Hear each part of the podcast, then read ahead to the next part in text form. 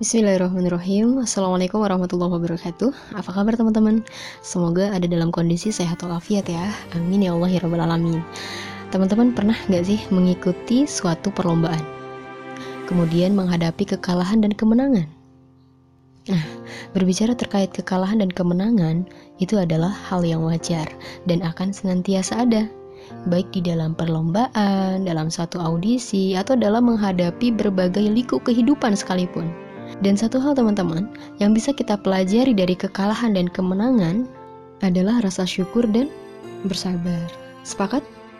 Contoh nih teman-teman, ketika kita mengikuti satu perlombaan atau kita mengikuti satu audisi, lalu kemudian teman-teman menang, akhirnya teman-teman bersyukur kan karena alhamdulillah teman-teman bisa bahagia dan bisa mewujudkan harapan teman-teman untuk menang nah sebaliknya teman-teman ini yang terkadang sulit kita hadapi apa itu yakni kekalahan terkadang teman-teman ketika kita dihadapi kekalahan banyak yang tidak menerima kekalahan ini faktornya karena apa yang pertama menaruh ekspektasi yang sangat tinggi yang kedua tidak menerima kemenangan dari lawan kita. Dan yang terakhir, tidak menerima takdir. Yang pertama nih teman-teman, menaruh ekspektasi yang sangat tinggi. Jadi teman-teman menaruh rasa percaya diri yang tinggi, menaruh harapan yang sangat tinggi, dan meniadakan, meniadakan kehebatan teman-teman yang lain. Padahal ada kawan-kawan kita, ada lawan main kita yang lebih hebat. Tapi kita menutup mata dan menghebatkan diri kita tanpa mau belajar dari yang lebih hebat dari kita. Sehingga tatkala teman-teman menaruh ekspektasi yang sangat tinggi, kemudian ternyata kalah, akhirnya terjatuh sangat jauh hingga akhirnya menyakitkan. Yang kedua, tidak menerima kemenangan dari lawan kita. Kita tahu bahwa teman kita lah yang menang, tapi kita tidak menerima bahwa dialah yang menang. Dan yang terakhir, kita tidak menerima takdir. Menang ataupun kalah, sejatinya itu sudah ada skenario-nya. Itu sudah diatur olehnya, teman-teman. Jadi sudah ada takdirnya. Padahal teman-teman, jika kita memilih sabar dalam kekalahan, maka hal itulah yang akan membesarkan.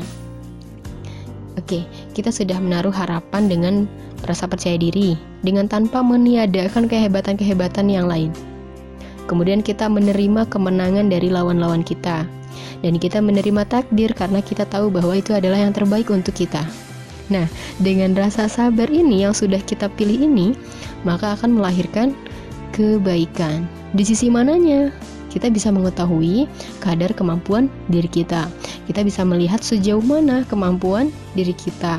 Kita bisa belajar apa yang kurang dari diri kita dan kita bisa belajar apa yang membuat kita belum menang. Diksinya belum menang ya teman-teman. Belum menang karena setiap orang berhak menang dan setiap orang akan menang pada masanya. Karena kalah ini adalah kemenangan yang tertunda. Jadi mau pilih sabar atau tidak menerima kekalahan.